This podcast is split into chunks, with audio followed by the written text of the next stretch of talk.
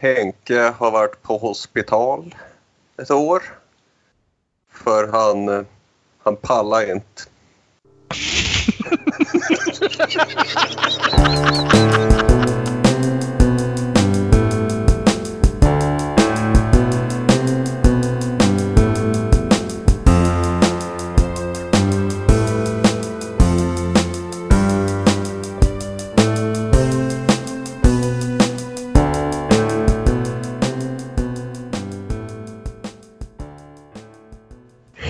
Hej och välkomna till Demonpodden! Podden där vi tittar oss hela vägen igenom de allra flesta av Ingmar Bergmans filmer. Vi hade ju till en början en tanke på att vi skulle göra det under året 2019. Men allt blev lite försenat. Så här sitter vi nu 2020 och har fortfarande några filmer kvar. Jag heter Kalle Färm och med mig som alltid har jag Björn Waller. Hej. Och Aron Eriksson. Hej! Och vi är här ikväll för att tala om enskilda samtal från 1996. Den tredje filmen som Ingmar skrev om sina föräldrar och sin barndom och sen lät någon annan regissera. Men innan vi ger oss djupare in i dessa enskilda samtal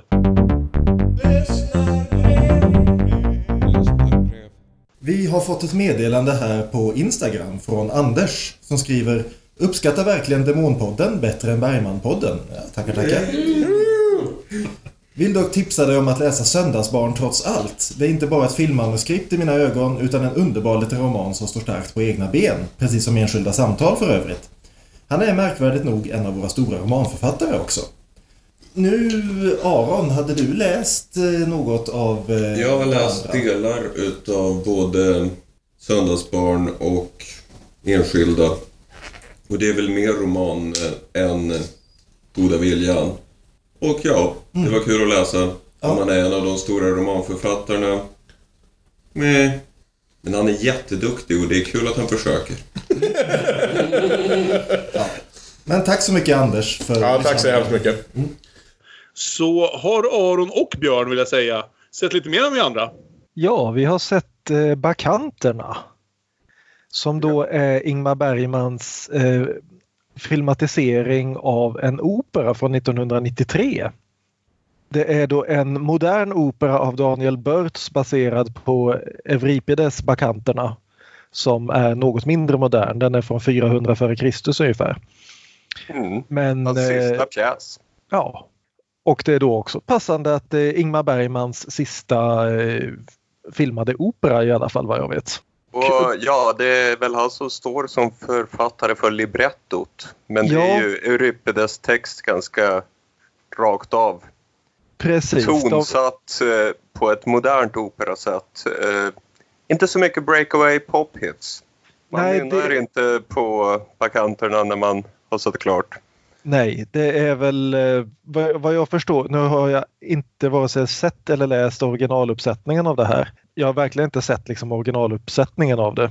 Det var lite före min tid. Men vad jag för, Euripides göra för den sattes upp först efter hans död. kan man då säga att någon har sett originaluppsättningen? You just blew my mind. Men vad jag förstår så är det väl i alla fall eh, lite av en eh, omvändning på originalhistorien det här. Att eh, istället för att följa då själva Dionysos som huvudperson och den atenske ynglingen som kämpar mot honom så följer då Bergman i första hand Dionysos lärjungar eller lärjunginnor eller vad säger man? Hans bakanter. Hans bakanter. Fast den vändningen gjorde redan Euripides själv. Okej, då kan vi stryka hela det här stycket då. Ja, men eh, det är lite intressant med Euripides här och jag har ett bra citat om hur han... Han är ju den tredje av de tre stora tragediförfattarna. Aeschylus, Sofokles och sen Euripides. Och Anne Carson, jätteduktig översättare och poet, skriver då om, om Orestien.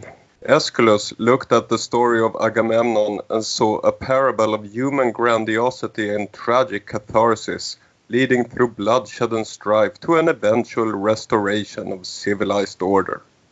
Euripides looked at the same story and saw smeared makeup.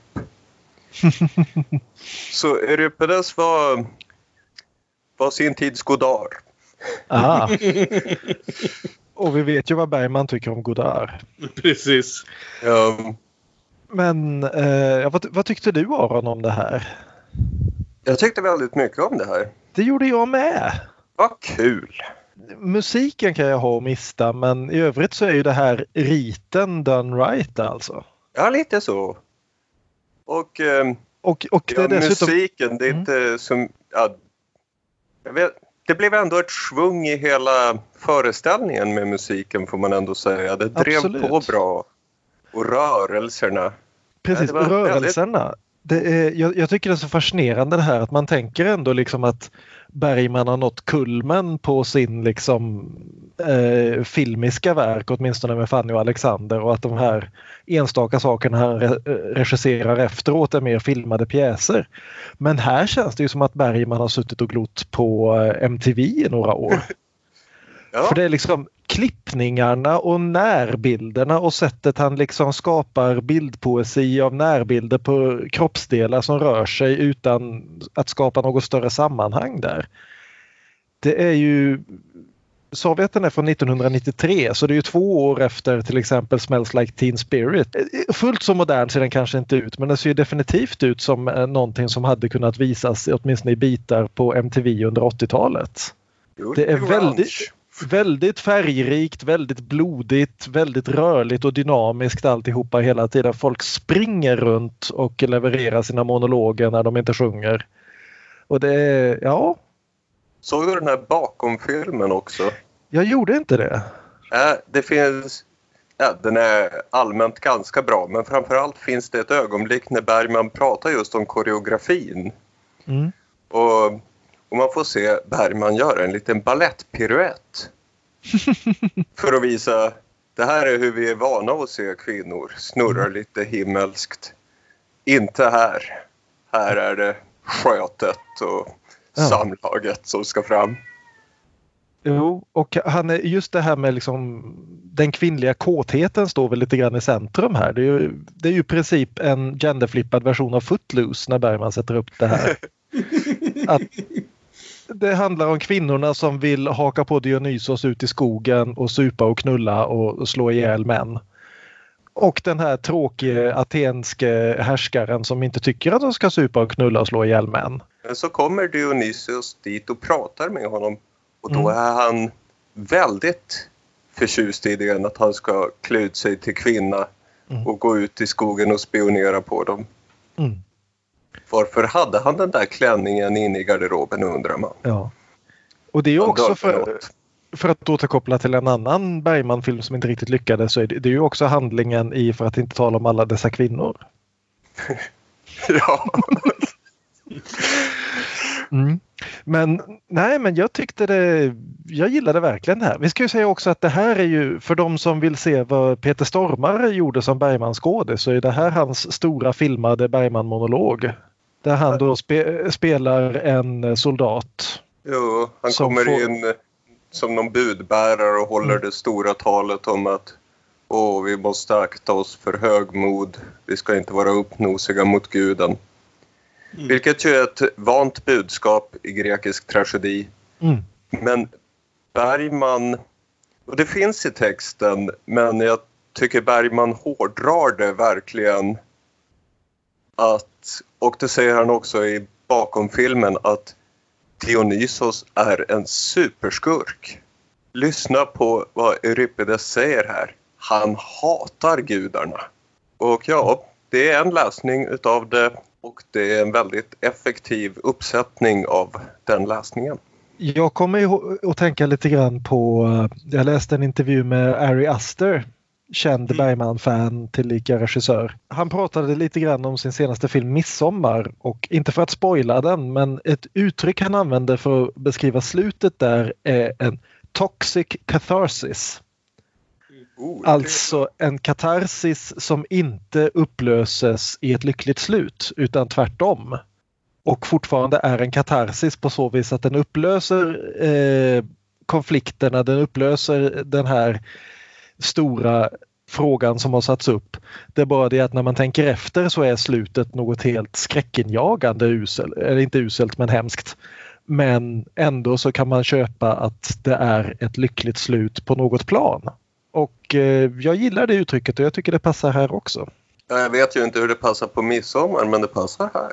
Det är jättebra. Hoppas den kommer i en riktigt fin restaurerad utgåva snart. För Ja. det var ju en ganska taskig kopia som vi fick titta på. Ja, precis. Ja, men hörni, det låter som ni har haft en ganska trevlig upplevelse med Bakanten i alla fall. Ja, alltså felfri är den inte men eh, jag, jag tyckte om den och jag tycker det är kul att se Bergman fortsätta utvecklas så pass sent i sin karriär också. Ja. Vad häftigt. Då får vi väl gå vidare kanske då till veckans film och se vad ni tyckte om den istället. Eh, och då talar vi alltså om Enskilda samtal från 1996.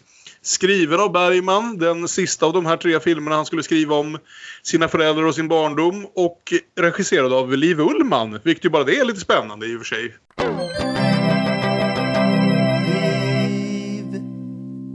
Men innan vi ger oss djupare in i diskussionen om enskilda samtal så läser jag ett litet synopsis från Wikipedia denna vecka eftersom regi Bergman har givit fulla fan i de här filmerna som faktiskt Ingmar inte regisserade själv. Som en fristående fortsättning på Den goda viljan möter man här återigen Anna och prästmaken Henrik.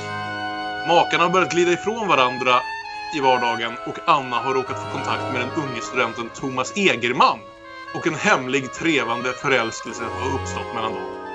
Anna förtärs av motstridiga känslor och skuld över sveket mot sin man och tar i sin villrådighet kontakt med sin gamle konfirmationspräst Jakob efter många år. Och det är ju egentligen det som för oss fram till starten av den här filmen som ska vi säga i sin uppbyggnad i alla fall kanske mest påminner om Scener ur ett äktenskap. Som ju hade den inofficiella titeln Sex scener ett äktenskap. Och enskilda samtal skulle på samma sätt kunna heta Sex enskilda samtal. För det är precis det vi ska få se. Det Ja. är en miniserie i två avsnitt där varje avsnitt består av tre samtal. Och hälften av dessa samtal, tre av sex, eh, mellan Pernilla August och Max von Sydow. Vilket jag inte har ett dugg emot. Att få se så här mycket Max så här pass sent i den här uppradningen av filmer. Och de andra tre är mellan Pernilla August och diverse annat löst folk. Eh, så som vad heter det, Samuel Fröler, Thomas Hansson, Gunnel Fred. För ibland trycker de in, ska vi säga, mer än en person som hon pratar med i de här scenerna. Det har, uppdelningen i scener har ibland mest att göra med i vilken tidsperiod de utspelar sig. Och även Anita Björk. Och om vi jag ska säga det för de som undrar på fan här så är det alltså så att vi har alltså gått ifrån kontinuiteten från Söndagsbarn och gått tillbaka till den goda viljan. Karin heter återigen Anna, Erik heter återigen Henrik. De spelas av Pernilla August och Samuel Fröler återigen. Max von Sydow som i den goda viljan spelade Annas pappa och dog i andra avsnittet spelar här en helt annan karaktär men som också är en fadersfigur för Mm. Anna. Och Så, Och Anita Björk som spelade drottningen i Den goda viljan spelar här hennes mamma som där spelades av Gita Nörby. Mm. Så ingenting är riktigt rätt. Men jag måste säga så här att mer än Söndagsbarn. För Söndagsbarn kändes ändå ganska friställd från den goda viljan eh, på något sätt. Även om det handlar om liksom samma, samma barndom på något sätt. På grund av skillnaden i fokus både tidsmässigt att Söndagsbarn utspelar sig i stort sett under ett dygn. Och, och eh, liksom fokuset på barnen snarare än föräldrarna. Så kändes Söndagsbarn som en... Jag tänkte inte på Söndagsbarn som liksom en uppföljare till den goda viljan. Här dock hade jag lite svårt att släppa den tanken. ja. Det här tänker jag på som, en, som Den goda viljan 2 till någon grad, även om det är en väldigt annorlunda uppbyggd film. Ja. Och jag ska väl också börja med att säga så här från min egen personliga upplevelse att eh, framförallt Björn skulle jag väl säga märkte vi hade en liten ren projektsvacka någon gång under 70-talet. Eh, där du började känna, vad ska vi säga, Mm. tyngden av alla dessa Bergman-dramer. Alla dessa mig- egermän. Ja, och det hände mig första gången måste jag säga den här veckan. Alltså att det tog mig emot att ens trycka på play innan när jag liksom läste beskrivningen. Att jag bara kände att nej fan jag vill inte. Och det har jag inte känt förrän nu. Så det kanske är bra att vi ändå är någonstans är på slutspurten här. För det var första gången, det ska sägas också eh, utan att gå in närmare på detaljer, jag har haft ett par jävliga veckor i privatlivet. Och jag hade precis köpt en 4K-kopia av Fury Road. Så jag såg fram emot att se. Men insåg att nej, ingen Fury Road för dig Kalle. Tänk om du skulle råka bli glad. Eller upplyft eller någonting sånt. Det är enskilda samtal. Det är tre timmar till av Ingmar Bergmans jävla föräldrar. Som kommer vara deppiga och bråka om någonting. I sen får du Fury Road möjligen efter det. Och med det sagt ska jag väl säga att jag tycker inte det på något sätt är en oduglig film utan det var mest att jag redan jag gick in i, med, i den bara egentligen att jag skulle veta att den handlade om Ingmar Bergmans föräldrar igen. Med Pernilla August och Samuel Fröler och att jag visste att den var uppbyggd kring ett antal liksom samtal. Så jag förstod någonstans direkt att strukturen kanske skulle likna senare ett äktenskap till någon grad. Och det var inte riktigt vad jag kände för. Nej. Och, och, och, jag menar jag tycker ändå att eh, senare ett äktenskap hade ju, det var en variation från avsnitt till avsnitt. Mm. Det fanns en dynamik i den som jag inte riktigt tycker enskilda samtal har. Det är liksom varje avsnitt här går i princip ut på att eh, Pernilla August ska få ge alla Bergman-monologer mm. hon någonsin hade fått ge om hon hade varit tio år äldre och hade fått vara med under hela 70-talet. Istället för att komma in alldeles på avslutningen här det gör hon jättebra och allting men det blir som att det blir som att tugga i sig en sån här enkilos stek som man kan få på en del eh, steakhouses. Liksom att mm. Efter ett tag så bara tuggar man kött. Ja, lite kan jag känna så. Samtidigt så måste jag säga här att när den här är riktigt bra så slår den mig hårdare än vad den goda viljan någonsin gjorde ens i sina bästa stunder. På stora hela skulle jag nog säga att jag uppskattar den här mer bara på grund av vad den ger mig när den faktiskt fungerar. Sen så är det långt ifrån alltid den gör det. Men eh, dels tycker jag både Pernilla August och Samuel Fröler är bättre här. Jag hade inget emot oh, ja. den gode Fröler. Den gode Fröler som vi ju diskuterade vilt i den goda viljan tycker jag är faktiskt är riktigt bra här.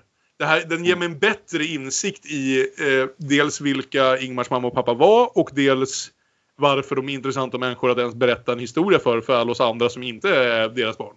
Vi sa det här om efter repetitionen också, men det är kanske så jävla mycket Bergman en film kan bli trots att det inte ens är Ingmar som står bakom kameran. Däremot ska vi säga är det Sven Nykvist som håller i kameran. Mm. Så var det en sån sak. Så det var ju inte faktiskt den sista filmen. Efter repetitionen var inte den sista filmen vi skulle prata om som Sven filmade. Det är bara det att Ingmar inte är på plats när han gör det. Mm mycket av bristerna här för mig ligger någonstans i längden och i strukturen. För den rena dramatiken och skådespelet och även författandet här tycker jag ändå har ordentliga höjdpunkter. Ja, för mig är nog det här den bästa i föräldratrilogin. Det finns vissa bitar som, eh, som jag skulle klippt ut. Och jag läste något synopsis som sa att det var fem samtal. Och jag undrar om det gällde långfilmsklippningen. Jag visste inte ens ja, att det fanns en långfilmsklippning. Ja, okay. det finns det. det finns. Men jag har inte hittat den någonstans. Men... Och då hoppas jag att de helt enkelt klippte bort eh, fjärde samtalet. För det är egentligen den enda transportsträckan för mig där jag... Ah, Okej. Okay. Är det Norge-samtalet? Ja, precis. Ja, precis. Det är den vekaste biten, det håller jag med om. Sen vet jag inte om det är den som man kan ta bort utan att skapa kraftiga hål i hela narrativet. Men jo, kanske. Jag får ju nästan hoppas att du har rätt i det. Den klipper vi rakt av. Jag har inga anteckningar om den. Ja. Mer bla bla. Mer bla bla är ju annars också ett alternativt synopsis till den här filmen för den som är lite trött för det här laget. Men annars så satt jag ofta på helspänn här. Tyckte det var riktigt vasst här och var. Nu ser jag luckorna lite så här någon dag senare men ja, ja. ja. Jag gillar det. Ja men om vi kör igång den helt enkelt. Ja, och börjar med då det första samtalet. Vi ska ju också säga att precis som i sex genom ett äktenskap så vad Bergman anser vara ett samtal är lite förvirrande ibland. Utan, men men det, i de flesta fallen så funkar det. Vi kan säga att varje samtal är en enaktspjäs. Så kan man säga. Mm. Då funkar det lite bättre. Och den första utspelar sig en söndags eftermiddag i slutet av jul 1925. Och det som också är spännande är att vi presenteras för alla de deltagande skådespelarna i varje scen eh, innan. Så vi vet direkt att den första scenen kommer vara mellan Max von Sydow och Pernilla August. Och eh, sämre kan man ju ha det rent skådespelarmässigt. Mm. Mm. Ja, framförallt Pernilla August tycker jag gör en fantastisk insats här. Hon är ju med överallt och hon är ju jättemycket bättre än i Goda viljan. Det är jag inte så förtjust. ärligt talat. Jag tyckte hon var bra där, men jag förstod inte riktigt för man visste allt det här och hon hade vunnit priser för den och allt sånt där. Va? Men här byggs ju alla känslorna upp så mycket mer. Så, och det är också den mest fokuserade filmen på en enda karaktär förutom möjligen ansikte mot ansikte med liv. Mm. Och lite den känslan fick man väl nästan, alltså jag kan dra paralleller även till ansikte mot ansikte. Just det här att se en, en skådespelerska och en karaktär gå igenom så många olika sinnesstämningar och liksom behöva interagera med så många olika sorters personer i hennes liv. Och ja, nej, hon är strålande. Men även Max måste jag få säga gör... Alltså det är inte direkt oväntat att Max von Sydow ska vara bra. Men det är väldigt jo. värmande att se. Men som sagt alltså, eh, Anna är inne i Uppsala. Mm. Och, är vi i Uppsala här i första scenen också? Igen? Mm. Jo, precis. Mm. Och eh, stöter på då sin gamle eh, konfirmationspräst spelad av... Max, Max, Max, Party to the max. Och eh, ska prata lite grann om hur hon har det och brister i gråt mitt i alltihopa. Mm. Och bekänner på stående eller sittande fot för den gamle prästen att hon numera bedrar sin prästmake med en naturligtvis teologistudent. Hon har en typ. Ja, definitivt. Ja. Och han heter då Thomas precis som prästen i eh, Nattvardsgästerna. Mm. Ja, och så heter han Egerman också bara för att det heter man i de här filmerna. Jo, precis. Man märker direkt här också, speciellt i de här småscenerna som fyller ut emellan de faktiska samtalen, att eh, Liv Ullman verkligen har gått i skola hos Ingmar Bergman när det gäller hennes registil också. Ja. Det är väldigt mycket närbilder, väldigt mycket långa, långa tagningar, väldigt mycket lite sådär så att det kliver in över in i drömlogik vid några enstaka tillfällen med mm. voiceovers som verkar vara någonting som någon har sagt men inte är det. Precis. Mm. Korta, korta tillbakablickar när hon börjar berätta om hur det här förhållandet har startat. Mm. Där vi bara, där, så att vi ändå i alla fall får se den här Thomas även i detta första eh, samtal även om han väl inte tror jag har några faktiska repliker men vi ser att han är spelad av Thomas Hansson som ju var en väl använd 90-tals svensk 90-talsskådis. Som jag inte vet om jag sett vare sig tidigare eller senare. De bestämmer sig för i alla fall för att träffas en gång till och prata igenom den här saken lite mer i detalj. Så de sitter hemma i Annas kök och diskuterar hundars själ över en sup. Mm. Ja, det här är jag, jättefint. Mm. Jag gillar den här biten också där Max förklarar titeln. Mm. Att eh, de flesta människor tror att Luther avskaffade bikten. Så icke fallet. Han rekommenderade vad han kallade det enskilda samtalet. Och eh, något jag tycker är spännande är fortsättningen han gör där.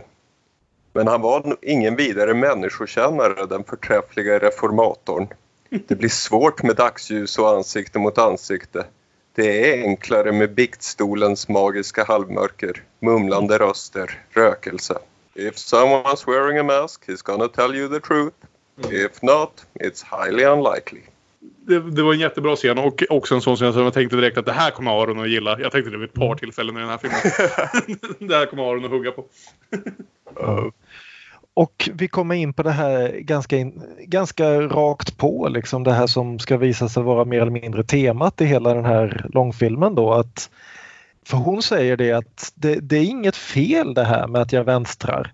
Därför att jag mår bättre och därmed så behandlar jag både barnen och Henrik bättre. Han mår bättre, de mår bättre, jag får älska Thomas, Thomas mår bättre av det och Henrik mår bättre av det och alla vinner. Ja. Och då ställer ju naturligtvis eh, Jakob, prästen, den fullt logiska frågan, men varför började du storbröla så fort vi sågs då?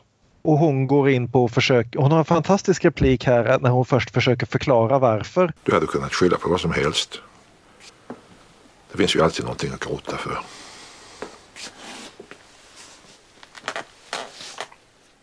Jag såg på farbror Jakobs stora hand. Och så tänkte jag. Om Gud har en hand, vilket jag inte tror, men, men om Gud har en hand så ser den ut som farbror Jakobs hand. Så kom jag att tänka på salmen. Sist min Gud, jag dig nu beder. Tag min hand ut i din. Å återigen det här fina förhållandet mellan Pernilla August och en fadersfigur spelad av Max von Sydow. Mm. Väldigt bra kemi de två emellan. Mm. Ja, verkligen. de är fina ihop. Ja, Ja. nej alltså jag, all- alla de här detaljerna i dem. De tar sin lilla sup ihop när han får röka Henriks cigarrer även fast, eh, vad heter det, han egentligen inte uppskattar det och sådär. Men det, är- det, det är mycket bra liksom alltså karaktärsuppbyggnad i de små, i de små bitarna. För egentligen är det ju här bara en en film som fokuserar extremt mycket på Anna. I någon mån Henrik i det hon berättar om honom. Han är ju bara med i en av de här sex scenerna. Mm. Eh, men så, så till exempel Max behöver ju byggas upp via sådana detaljer. Och, ja, nej, men jag, och jag tycker det är väldigt snyggt gjort. Men, men visst, det, är, det känns väldigt mycket 70-tals Bergman det här. Allt det Ja. här. Och det är ju inte konstigt med, med, med Sven och Liv som liksom var typ hans två närmaste Mm. medarbetare på den tiden. Ja. Det drar Jag tänkte på 20 år. höstsonaten väldigt många gånger. Ja, Okej. Mm. Ja, jag tänkte mer på både ansikte mot ansikte och, och senare äktenskap. Men Ja, de är också. Vi har sett alla enskilda delar någonstans förut men jag tycker ändå om liksom sammansättningen av de här. Jag med. Och jag tycker också om det här som vi börjar arbeta oss fram emot här nu då med det här väldigt diffusa konceptet sanning som ju då ska Mm. återkomma gång på gång. Att eh, hon frågar ju då honom till slut om det finns någon hjälp han kan erbjuda för det här för att hon tycker att hon inte borde skäm- eh, må dåligt över det här men uppenbarligen gör hon det ändå. Mm. Eh, och han sä- säger någonting väldigt bra här som en präst. Och återigen slås av hur sympatiska prästkaraktärer Bergman har börjat skriva igen mot slutet här. Eh, han, han kan inte ge henne ett svar därför att det finns inga färdiga svar på sånt här. Nej. Han har svårt att känna medkänsla med det för även om han älskar henne så tycker han att hon gör fel. Han kan inte ge absolution eftersom hon inte känner någon ånger över det. Eh, han, det enda råd han kan ge är att ett, bryt med Thomas direkt och två, berätta allt för Henrik. Mm. Vilket då Anna konstaterar att nej, det går inte. Herregud, stackars Henrik, eh, han är bräcklig nog som det är. Om jag talar om det här för honom så kommer jag- han att rasa fullständigt.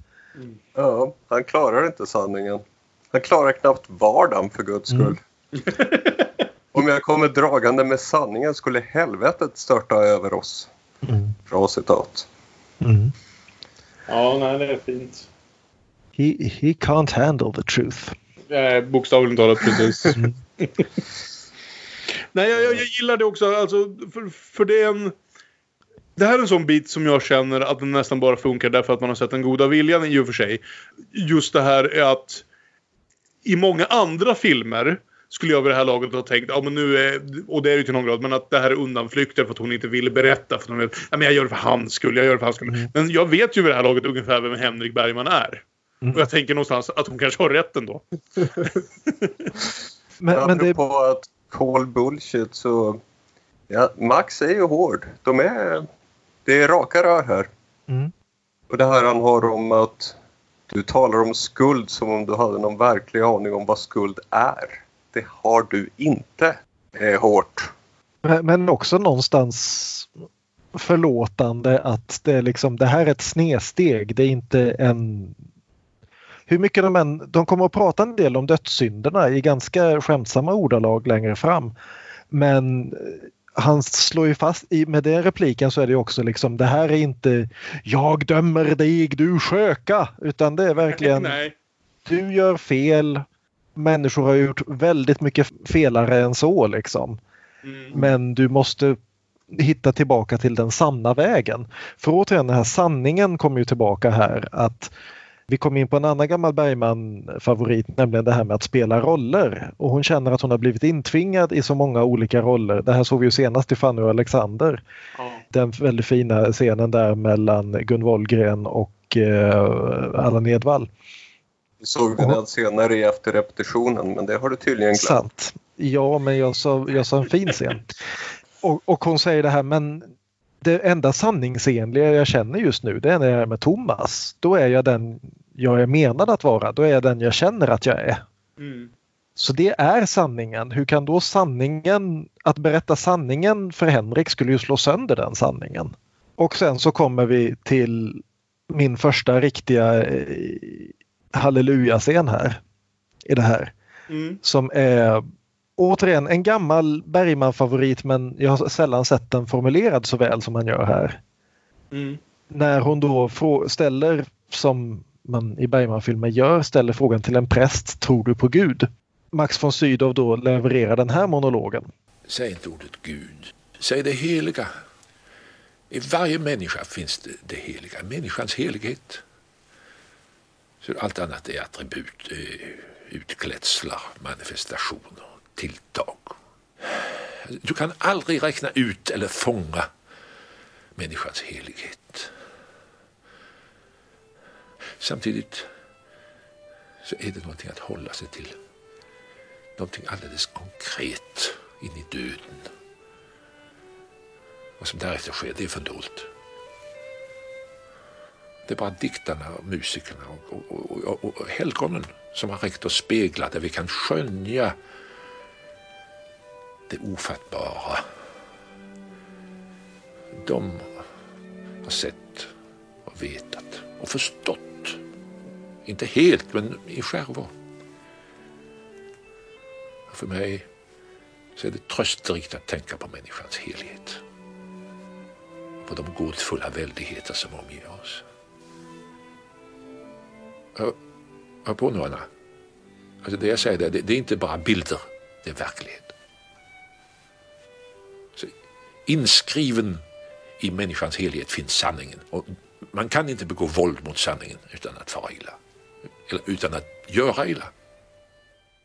Visst är det lite, lite självgott här av Bergman att utse sig som en av dem som kan skåda Guds slutgiltiga budskap till mänskligheten. We apologize for the inconvenience, eller hur var det? Och den här monologen är ju också någonting Ingmar var tämligen nöjd med själv. Mm. Den Och det ska här, han eh, vara. Ja. Jo, det halleluja moment som du sa. I den här Marie Nyreröds dokumentär så tar han fram just det här klippet och säger någonting att ja, vi har ju pratat en del om Gud och jag har stammat mig igenom diverse svar. Jag tycker det är bättre att vi bara ser den här scenen. Jag tycker han ser det rätt bra här. Mm. Mm. Så det är Ingmars Slutgiltiga. djupaste övertygelse. Där han kanske har landat till slut nu då. För alltså, nu kommer inte jag ihåg precis. Det är säkert en del gud i de här tre filmerna vi har kvar efter det här också. Men vi måste ändå säga, vi har sett honom brottas med de här frågorna nu i åtminstone 40 år. Mm. Vid det här laget. Så att se, känna någonstans kanske lite att det här han har landat och han verkar ganska nöjd med det. Det är, det är något fint i det bara. Mm. Ja. Ja. Och också direkt efter det. Ja, det kommer ju in på sanning här. Att inskrivet i människans helhet finns sanning. Och att göra våld på denna sanning är att göra orätt. Det är vad prästen tycker.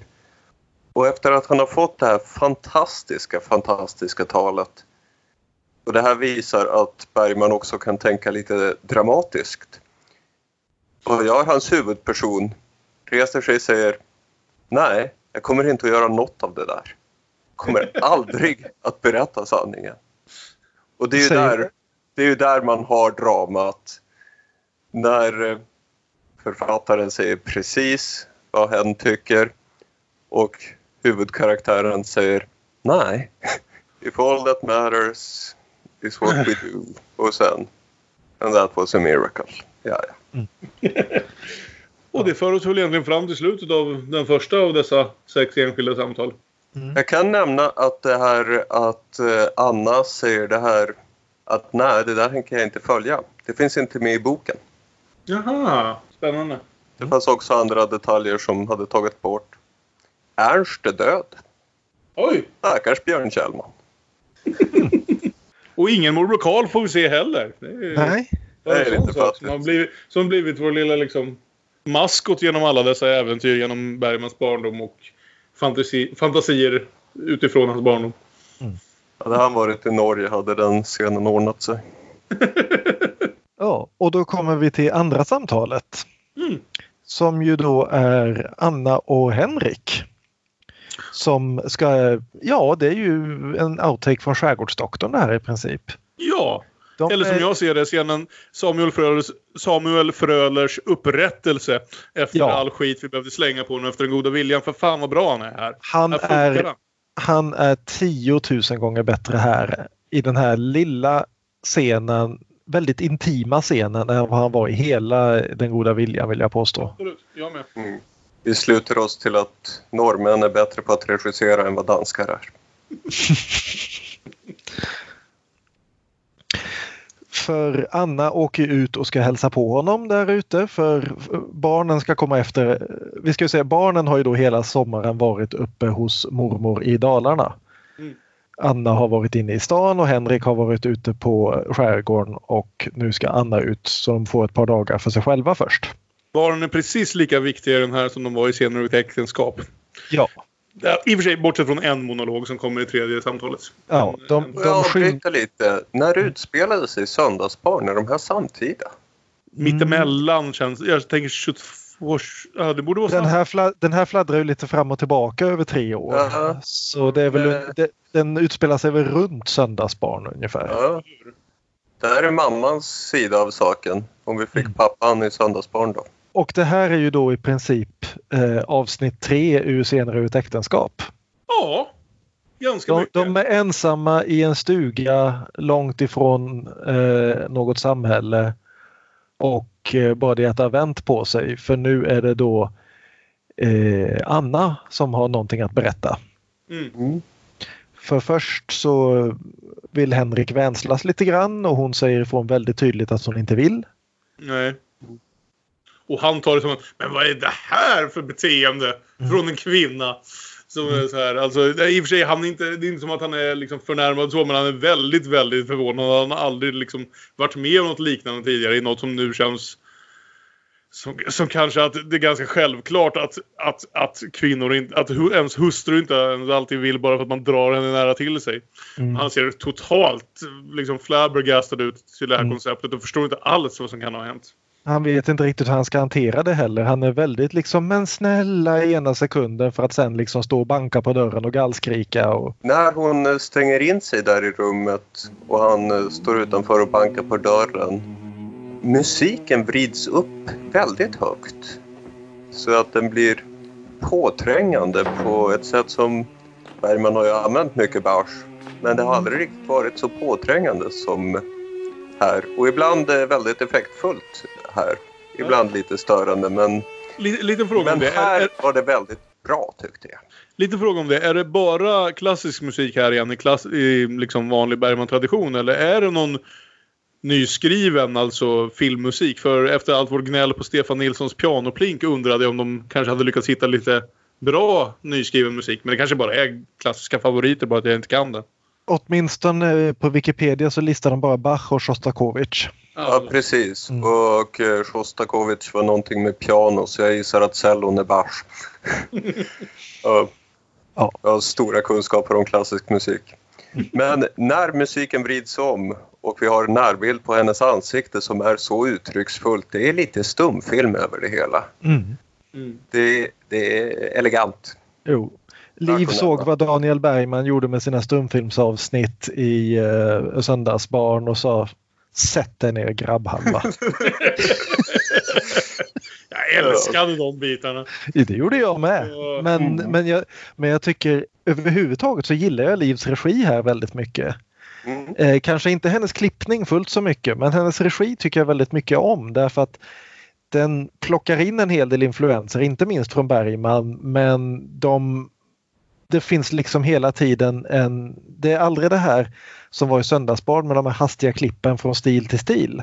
Som i och för sig funkade väldigt bra i den eftersom det är ju liksom ett barns fantasi väldigt mycket av det. Men här så är det verkligen att vi glider mellan känslor och mellan nivåer i medvetenheten på ett väldigt snyggt sätt med olika influenser där i filmandet. Så, ja. Men hon sätter sig i alla fall där med lampan och säger nu kan vi se varandra i ansiktet.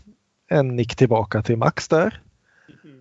Och berättar att hon har blivit kär i en annan. Och någonstans här så har ju hon, jag försöker komma fram till om hon bara tror att det här är bästa sättet att hantera honom eller om hon verkligen, när hon märker att han inte exploderar direkt, att han inte blir liksom våldsam eller superarg eller dörrdunkande eller så här direkt. Så blir hon nästan lite övermodig i hur positiv hon vågar, vågar vara kring hur det här ska funka. Att Ja, hon tar verkligen... till samma strategi som Ingmar tog till när han hade gått och blivit ihop med Harriet Andersson och kom hem till frun Gun. Kan jag få ha det här ett tag? Det här är inget som kommer att vara, men jag kommer tillbaka sen, okej? Vilket ju är så jävla fascinerande och ger mig än mer sympati. Den här filmen gör ju mer för att väcka min sympati för Henrik Bergman. Även om han visar sig sen och liksom inte hanterar det jättebra. Får vi reda på framförallt i, i hur Anna beskriver det. Och då är frågan som kommer sen. Eh, det här är ju enda gången vi ser Henrik. I den här filmen som sagt under det här andra samtalet. Vi kommer sen få beskrivningar men bara från Annas synvinkel på hur han har hanterat det här senare. Och man undrar ju ibland då hur mycket, hur mycket av det man ska tro på. Mm. För även om man till en början här tar det väldigt, jag ska inte säga med jämnmod, men han, vi, vi har ju etablerat också i tidigare att Henrik Bergman är en väldigt, väldigt defaitistisk människa. Som tar för givet att jaha, ja det visste jag väl. Hon sk- att hon hittade någon som var bättre än jag. Det är väl självklart. Självklart är det en vän till mig också. Ja och självklart vet mina vänner om det också. Ja, ja men det var väl fan. Det visste jag väl. Vi får ett väldigt fint litet montage här också där de då ute på den här skärgårdsstugan vandrar omkring lite grann i morgondimman och sitter och funderar ensamma på trappor och ja, det är väldigt snyggt gjort det där. Liksom just för att fånga in eh, den här knepiga situationen nu de hamnar i. Men så det håller ju inte så länge det här jämnmodet. För han hittar en fläck på bordsduken. Bam, bam! Och eh, han vill inte säga någonting om det egentligen. Ni vet, the first rule of passive aggressive club is you know what, never mind, it's fine.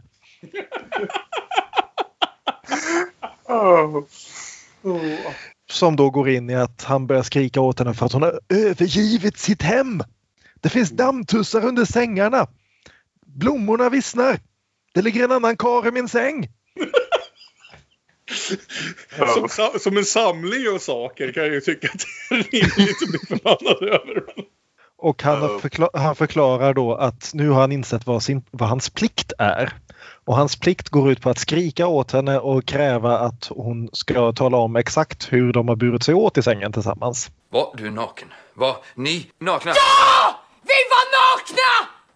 Ja, han har liksom någonstans gått och fundrat på det här nu i hur lång tid det nu ska ha gått. Någon vecka kanske eller sådär. Och sen så bara brister det och han inser att, att hans tidigare reaktion att ta, ta, ta det här på kinden, att någonstans förmodligen anse att han, att han förtjänar det någonstans på grund av både hur han har betett sig och hur han tror att han är liksom ödes... Hur, att det brukar vara så ödet beter sig mot honom. Men sen ändå så inser han att det inte liksom är... Han kan inte hantera det så längre. Utan nu slår det totalt över ska det ju visa sig när vi får beskrivningar från vad som händer senare också som vi aldrig får se. Men att eh, nej, glaset rinner över för Henrik här. Det här kommer inte funka för honom och eh, det här är bara första, första steget av det. Så det är riktigt Bergmanskt praktgräl här. Bland annat så frågar han om ni nu har varit ihop i ett år, varför har du inte blivit med barn? Efter sista förlossningen så kan jag nog inte, säger hon. Jaha, men varför tvingar du mig att dra ut då? Frågar han. Och hon fäller den, fäller den väldigt Bergmanska repliken. Därför att tanken på din säd i min kropp var outhärdlig! Ja jävlar. Så, så, vad säger du? Ska vi försöka rädda det här för, ska vi försöka rädda det här förhållandet nu eller? Ja. Och det här grälet bara eskalerar och eskalerar tills det når en ganska naturlig slutpunkt när hon springer ut på gården och stresskräks. Och han då också lugnar ner sig lite grann. Och det, det, det, jag gillar någonstans det som ett sätt att sätta punkt för ett sånt här gräl. För det löser inte upp någonting. Det avgör inte någonting. Det blir bara omöjligt att fortsätta gräla när den ena liksom står dubbelvikt och spyr. Precis. Och det känns som en, ja precis. Och det känns som en naturlig slutpunkt för det. För vi vet att det inte kommer vara en slutpunkt. Det är det som någonstans är det tragiska i att, veta, alltså, i att vi vet så mycket om Ingmar vid det här laget och hur det kommer gå. Att vi vet att de här två kommer inte skilja sig. Vi vet ju det när vi går in i det. Vi vet att de var gifta oavsett hur mycket eller lite de tyckte om varandra. Ja, hon fäller ju en ganska intressant replik här eh, lite tidigare att eh, när hon nämner det att om du vill så kan jag bara liksom sticka med Thomas. Du behöver aldrig se mig igen, barnen behöver aldrig se mig igen. Och hon säger att barnen får det kanske bättre om jag inte finns här, då slipper de våra svårigheter. Och det är liksom, ja. Vi hade inte suttit här i ett år och pratat Bergman om hon hade gjort det. Men, Tänk vad vi hade kunnat spendera året på. ja. Men där Fellini slut... fyller 100 i år, det vet ni väl? Ja. ja. Men där slutar i alla fall det andra samtalet. Och vi går vidare till ett drygt år senare.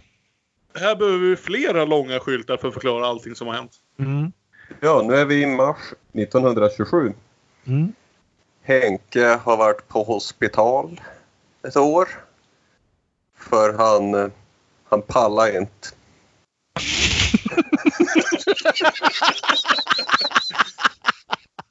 Ordagrant på skylten.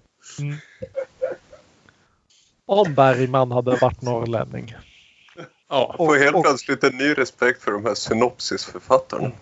eller hur?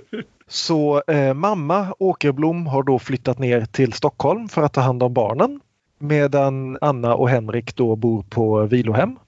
Och nu när då Henrik snart ska komma hem och Anna ska hem också så passar de på att träffas på ett pensionat, Anna och hennes mamma, för att prata igenom den här situationen innan hon åker tillbaka hem till Uppsala. Det börjar bara för att stryka under det här med bikt och alltihopa. När vi kommer in, jag älskar den här scenen. Den är fullkomligt, jag vet inte om den betyder någonting men den är så härligt någonstans ändå. Vi, vi kommer in i det här pensionatet och i salongen på pensionatet så sitter hela jävla Frälsningsarmén och repar. Jag tänkte på det, för, för vi säger att det här avsnittet och alla de här långa textskyltarna börjar med den här Frälsningsarmén-musiken över. Och till början låter det ju bara som lite mer så här liksom lagom from musik tills man hör väldigt tydligt att någon spelar fel. Även under textskyltarna. Jag bara, vänta vad hände nu? Ja, och, och så får vi då se att nej men det beror på att de sitter faktiskt där i scenen och spelar. Det är liksom ett, ett, dussin 70-åriga tanter i Frälsningsarmén-uniformer som sitter och spelar falskt. Apropå att spela falskt. Så kommer ju Anna in till sin mor. Ja, de går igenom. Hon ville ha Henrik hospitaliserad tvångsintagen som sinnessjuk. Mm. Och läkarna är ju tyvärr inte lika övertygade som hon om denna sak. Och det visar sig att Och hon, hon Ja. säger då också repliken Men skadorna på mig och barnen då? Det är lite otydligt exakt vilken sorts skador hon syftar på här. mm, Vi har ju hört tidigare att och vi kommer få höra här igen att Henrik Bergman inte nödvändigtvis var någon som sparade på spöet. Men det är väl lite otydligt om han tillämpade det på sin fru också. mm, Ja, det är aldrig någonting som ens har nämnts i sådana fall. Det vi har hört är ju att det var Dag som fick stryk i stort sett Ja. i alla sammanhang. Att han tog ut alla sina liksom våldsamma aggressioner på, på sin äldsta son.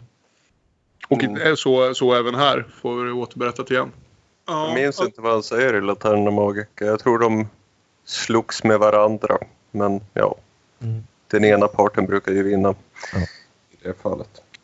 Vi, Men vi den får, hårda meningen från mamman är i alla fall att Anna säger Nu är det svårt mamma. Ja, för att du ljuger. Hon är... eh, Ja, vi har en ny skådespelare på den här karaktären men hon är fortfarande benhård. Precis.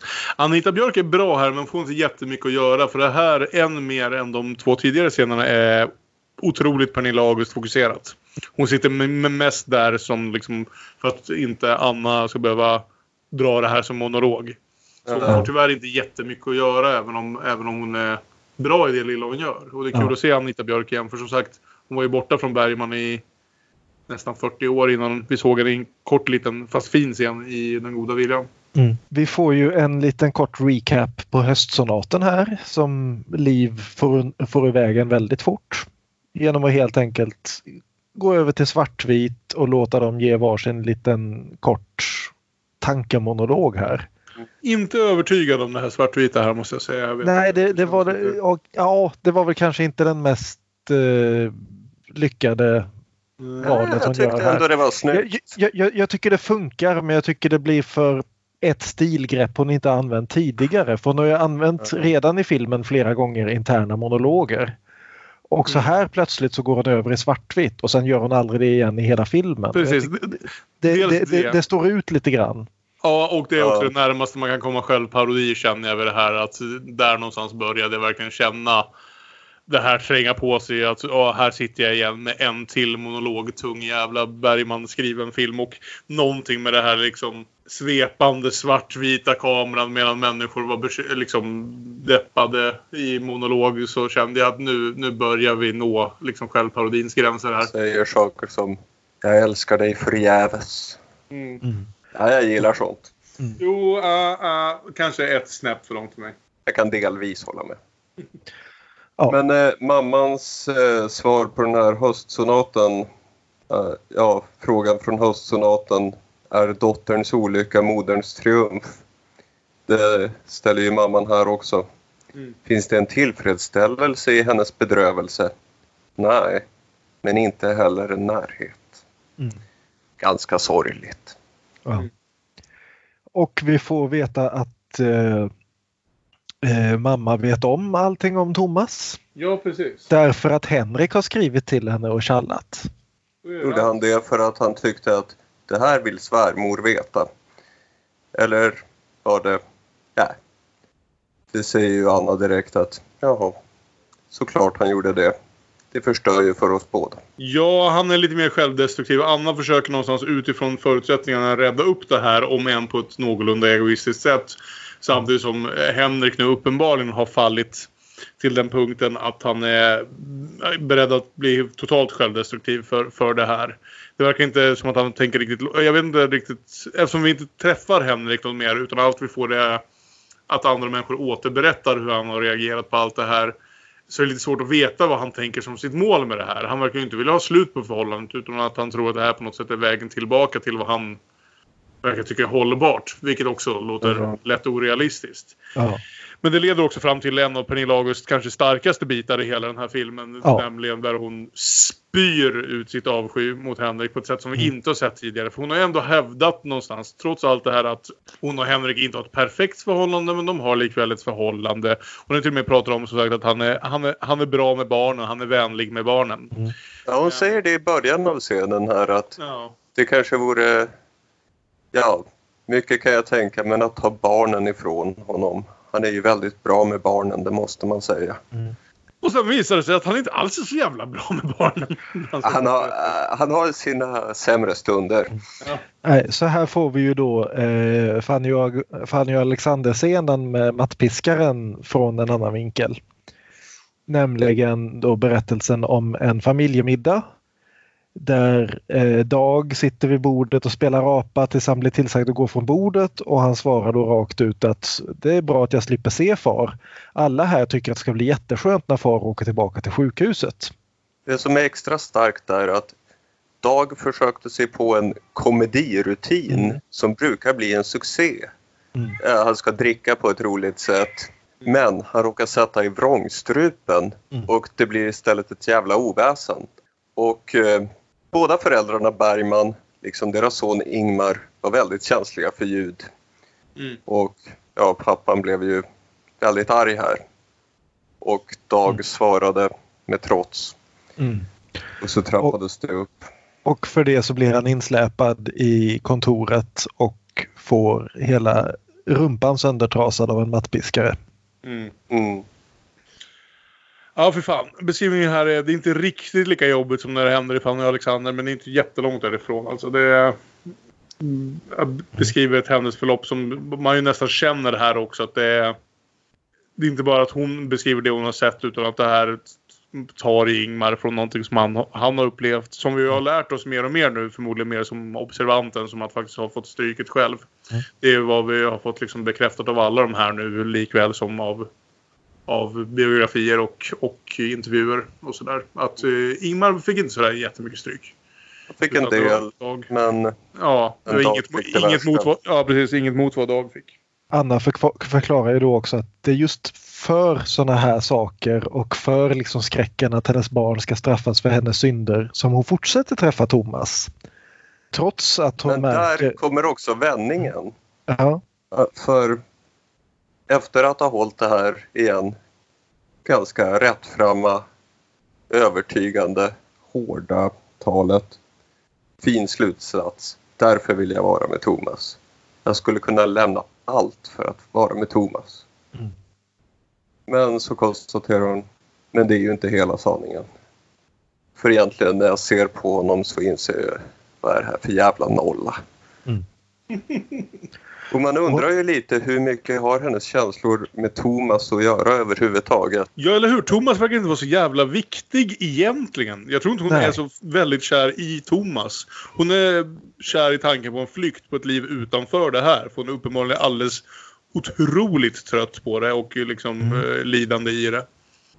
Och vi kan, vi kan ju återkoppla till den frågan efter nästa samtal också. Men jag tycker, det är, jag tycker det är intressant just det här att hon nämner också att Thomas är verkligen inte lycklig i det här förhållandet. Till en början var det mest det här att han ha- kände skuldkänslor över att ligga med en väns fru och att han skulle bli präst och alltihopa.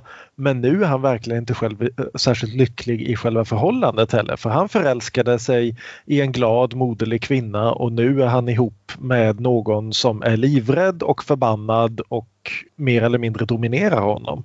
Fan, eller knullar runt om man inte ens ska få roligt på vägen. Nej, precis. De, de har inte roligt ens en gång. De, det, det är ju det liksom. Ingen av dem trivs med det här.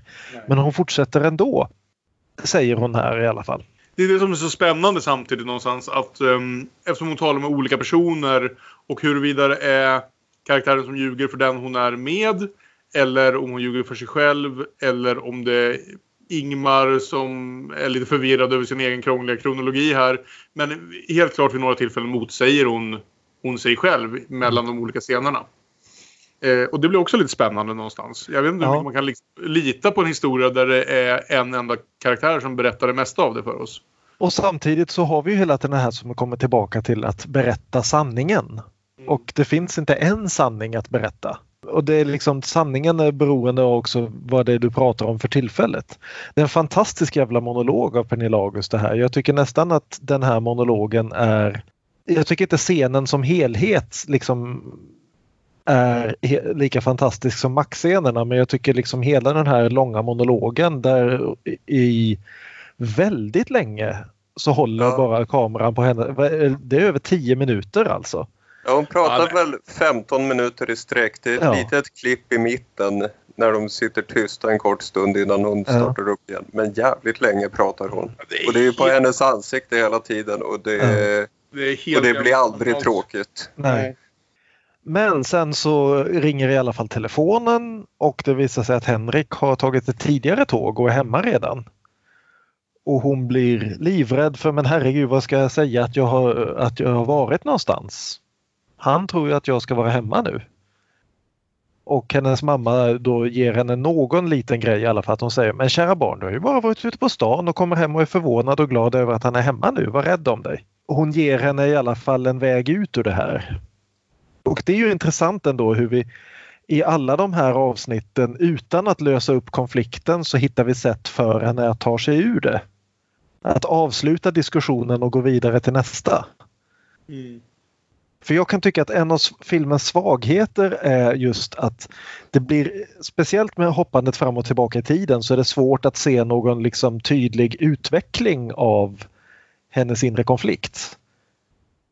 För det, det, det finns inga yttre konflikter i den här filmen, det finns bara en enda inre konflikt. Mm. Som har flera facetter visst, men det är ändå en persons inre konflikt.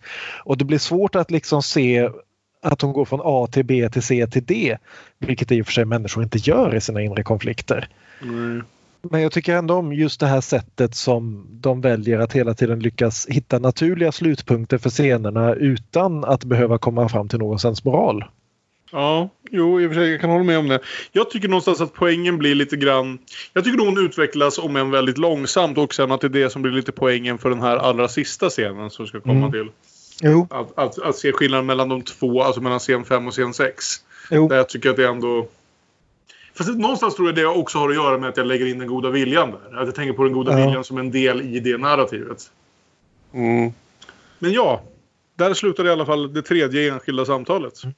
Som ju mer än någon av de andra skulle jag säga är en monolog. För Anita Björk får fan med inte mycket att göra samtidigt som Ja, eh, Pernilla August får jobba väldigt hårt väldigt länge.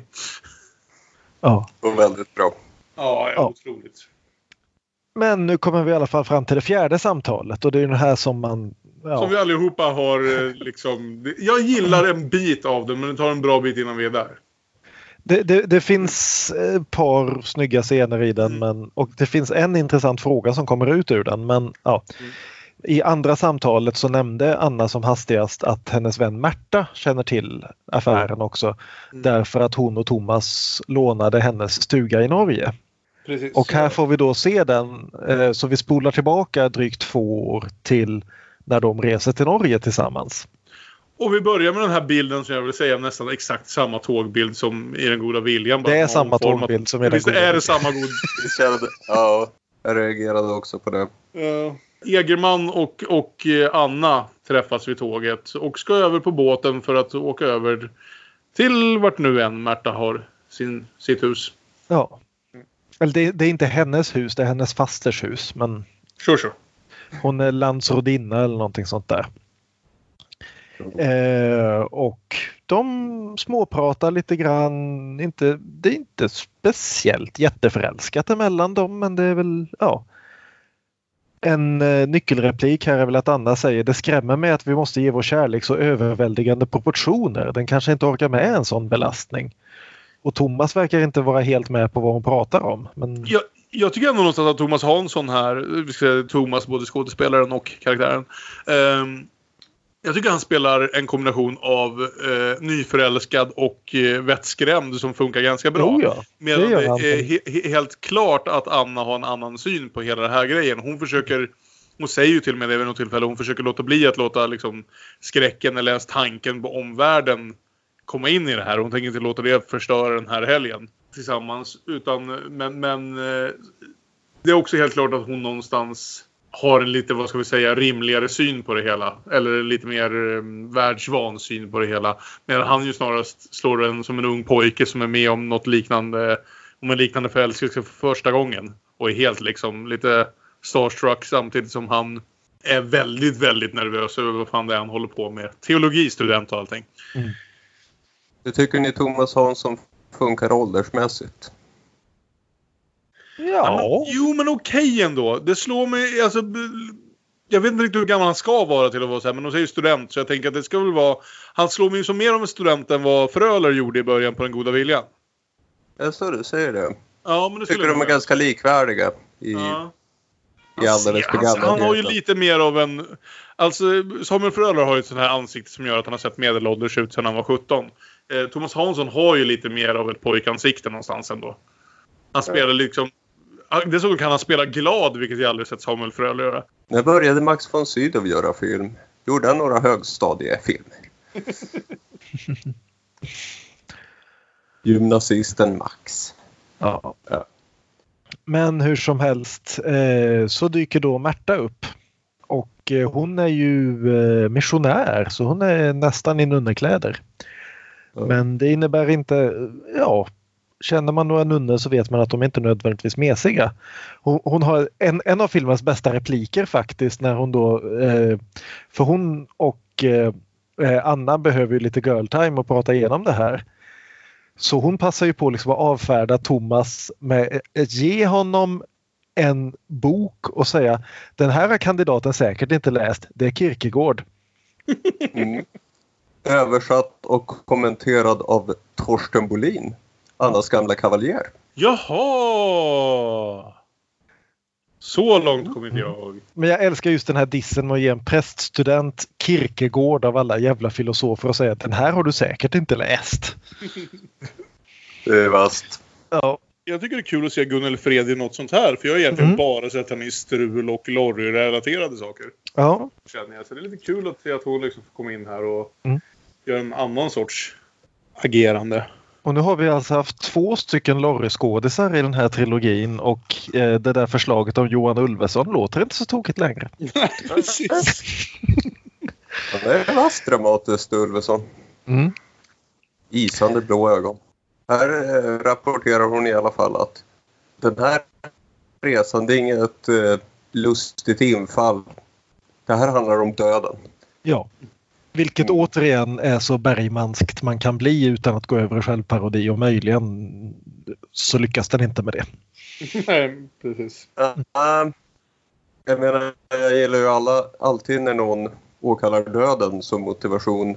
Mm. Och man förstår ju vad hon menar men men det här var inte den vassaste i filmen. Det är ju generellt sett den svagaste biten av filmen. Det var här jag zonade ut mer än någon annanstans och sådär. Det känns lite överflödigt. Det är väldigt mycket som händer i den här delen som vi redan har hört berättas i de andra delarna. Så man undrar lite över liksom behovet av det. Jag tycker någonstans att det kanske är viktigt att vi får lära Alltså i alla fall ha, spendera lite tid med denna Thomas som någonstans påverkade hela historien så mycket. Mm. Det skulle kännas konstigt om han helt lämnades utanför.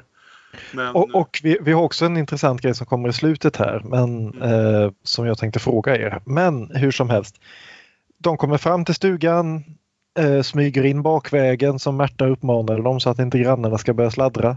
Och Anna mer eller mindre regisserar hur de ska gå till sängs tillsammans. mm. Därför att hon vet att Thomas blir rädd när hon tar över. Men han Och- smyger och också hon- in bakvägen. Ja.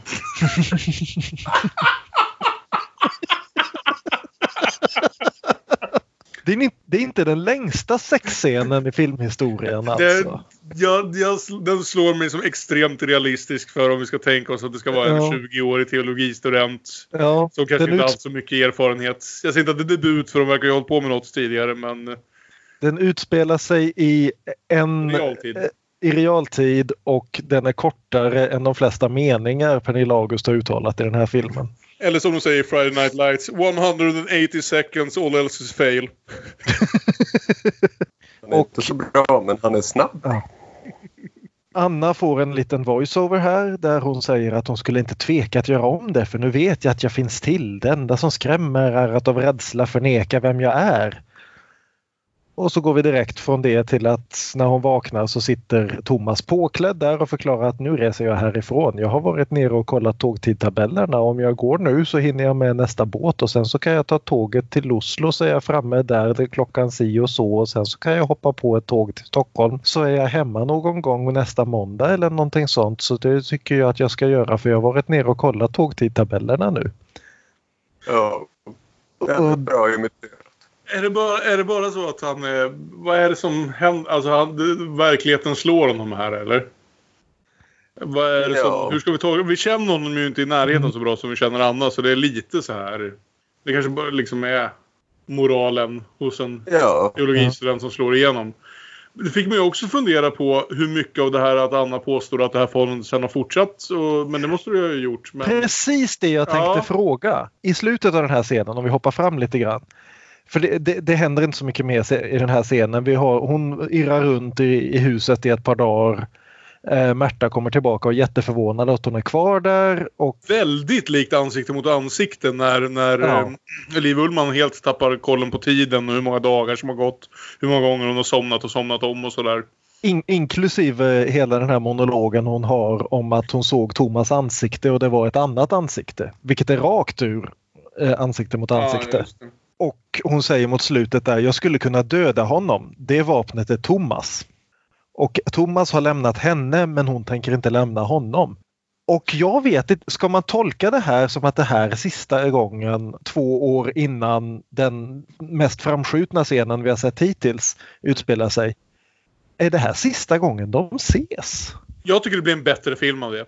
Jag, Ja. tycker, det, jag tycker det gör hela upplevelsen lite starkare så jag valde att tolka det så. Om Det hon gör känner henne, gör henne lite att ljuga om att hon vänstrar. Ja, det gör, det gör henne lite knäppare, lite mer illvillig men också lite mer liksom proaktiv någonstans i det här.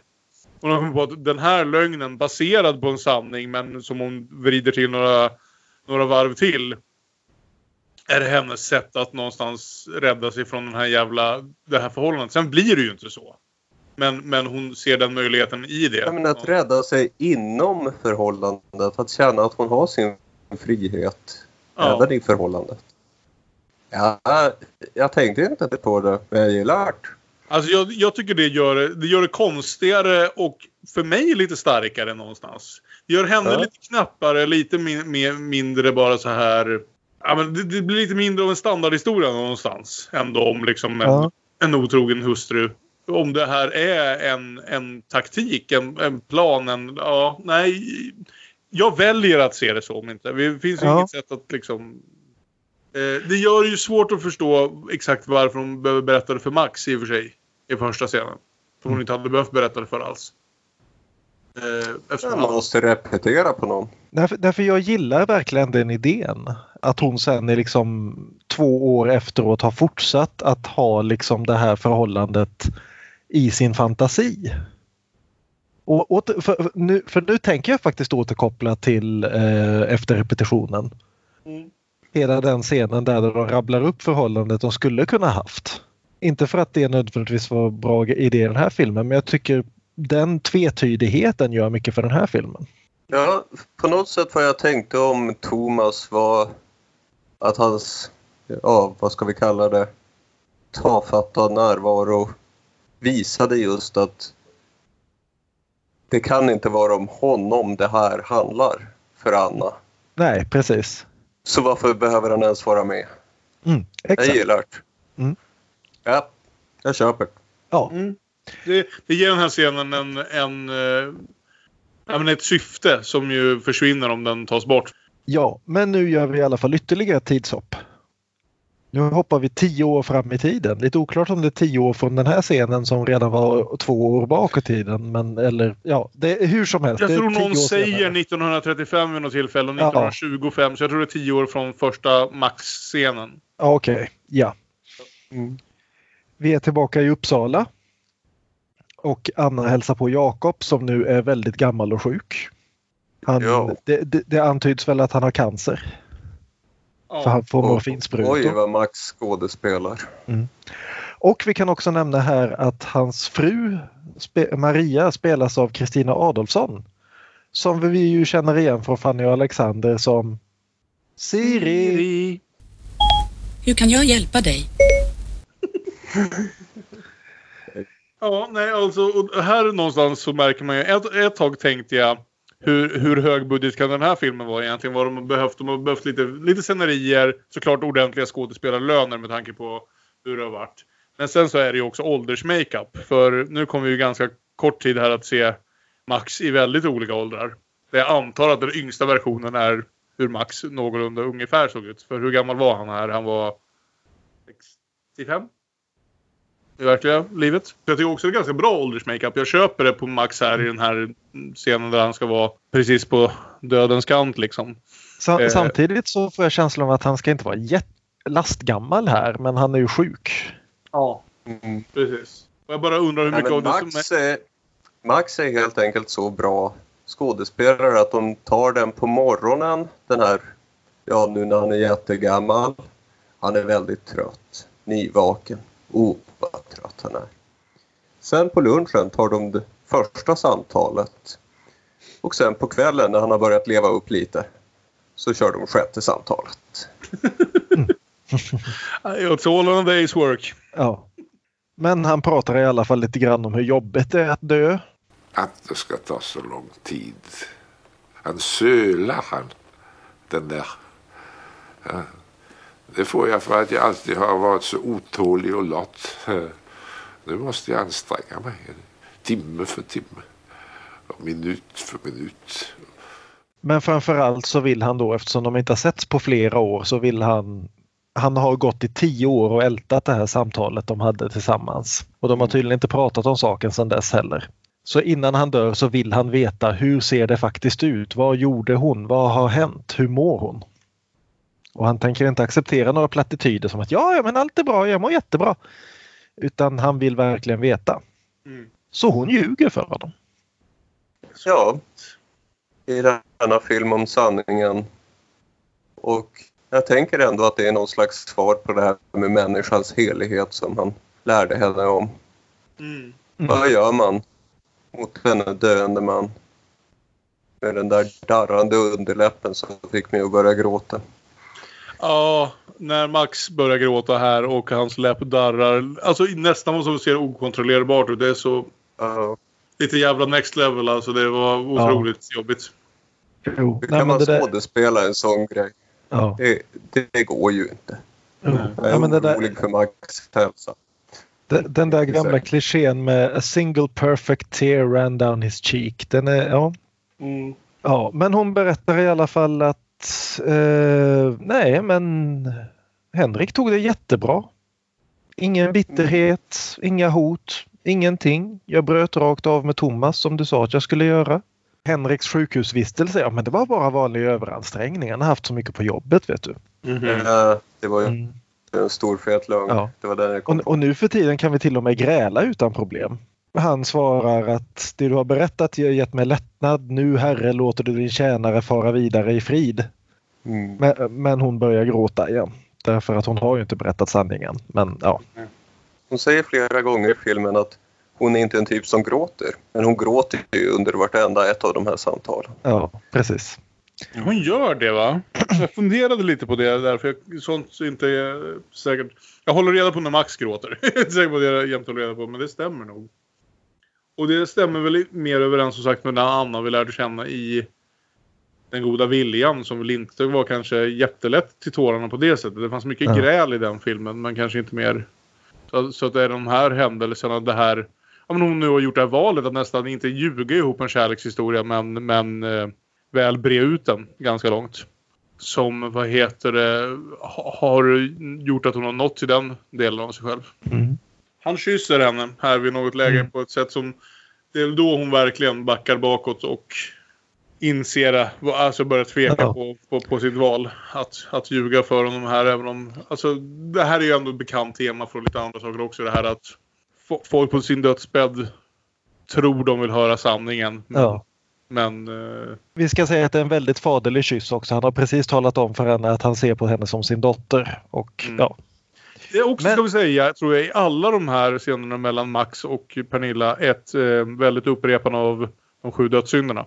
Jag tror de tas upp i alla deras tre samtal. mm. Alltså, inte bara att liksom, de nämner de sju dödssynderna utan bokstavligt talat radar upp dem. Men i alla fall att Ja. Max redan vid första tillfället nämner det här med att frossa igen och de sju dödssynderna. De pratade lite kort om en gång när de stod på en bro i Uppsala och rabblade upp både alla sju broar över Fyrisån och alla de sju dödssynderna. Mm. Vilket jag tycker är en fin liten bild liksom att det finns sju dödssynder men det finns också sju sätt att ta sig över. Mm. Men i alla fall så nu får, de, får ju eh, Jakob ett besök till. Och vem är det som kommer in nu? Det är Hasse! Det är Hasse Alfredsson. Som inte har ont i foten längre. Och som, Som han, som han hade sist han, som han, sist han spelade mot Max von Sydow. Ja, och som, som har fått återfått sin dialekt från den goda viljan. För han spelar möjligen en av Guds män, men han spelar inte samma av Guds män som han gjorde Nej, i precis. viljan. För, Han spelar ju då biskopen och eftersom han och Jakob är gamla kursare och gamla vänner eh, och idag så är det exakt 52 år sedan de borde, båda blev prästvigda. Så de borde väl vara någonstans i 75-årsåldern. Så ska han eh, ge nattvarden till Jakob. Och lite underförstått också att Jakob kan trilla av pinn vilken timme som helst så det är lika bra att passa på. Och det här tycker det är en väldigt, väldigt fin scen det här. Det är en liten kort scen mellan då eh, Jakob och hans fru. Och eh, sen den här scenen där då biskopen ger nattvarden till alla närvarande och Jakob i sin tur ger nattvarden tillbaka till honom. Men vi ska säga också, det har ju kommit upp tidigare ett par gånger här att Anna vid något tillfälle, väg, hon har ett par tillfällen i filmen väg, eh, antingen pratat om eller vi har sett henne vägra ta emot nattvarden.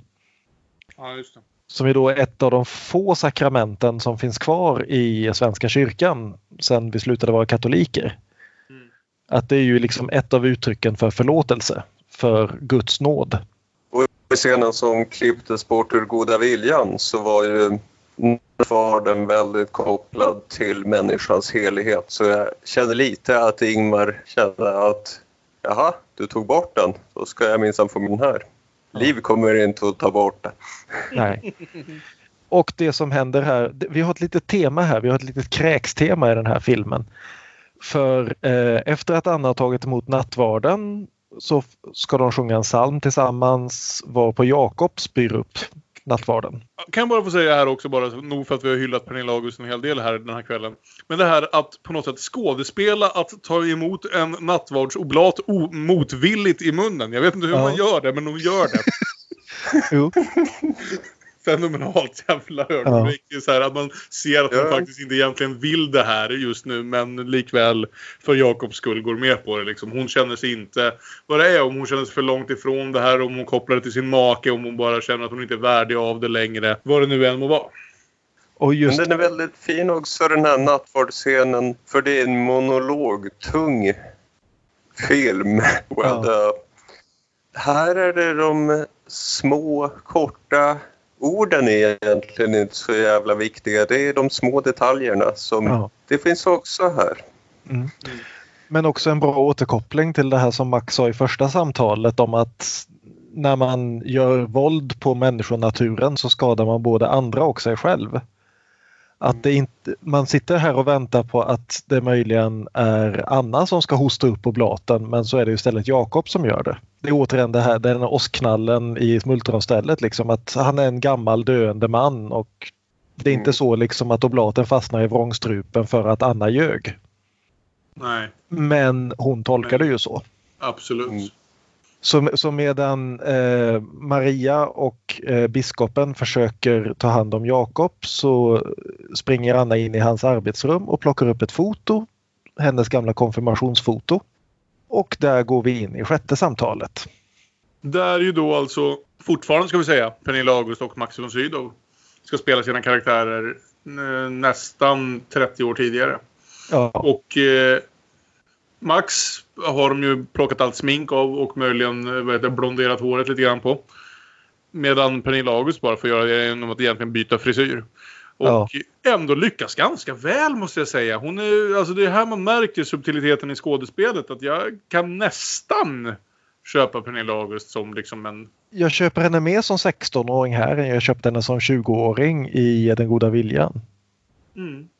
Nej, jag tycker det är ganska fascinerande faktiskt. Att, eh, och det är inte som att hon gör någon så här gigantiska, liksom parodiska, jag är en liten flicka saker. Mm. Utan det är ju genom små subtila grejer som jag ändå köper absolut att det här är liksom samma person 30 år tidigare utan att tänka på att hon egentligen ser ut att vara precis lika gammal som hon gjorde Ja.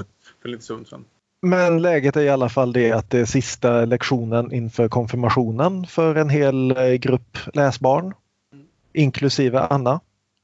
Efteråt så dröjer hon sig kvar och vill fråga Jakob om hon är inte säker på att hon överhuvudtaget kan ta emot nattvarden.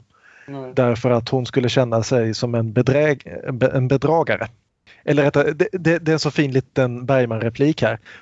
Det vore bedrägeri. Bedrägeri är ett starkt ord. Lögn då, om, om det är bättre. Mm. Skulle jag vara med om den där ritualen så skulle jag spela teater. Jag, jag kan inte. Ja, jag tänkte inte på det. Åh, ja det är fint. Där, där har vi ju liksom biskopens från Fanny och Alexander hela eh, förvirring med skillnaden mellan en lögn och eh, en berättelse.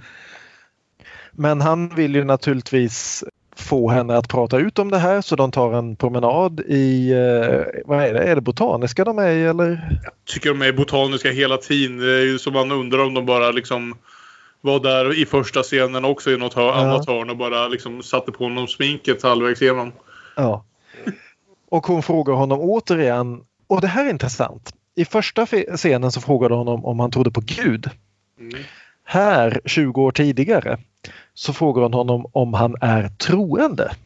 Ja.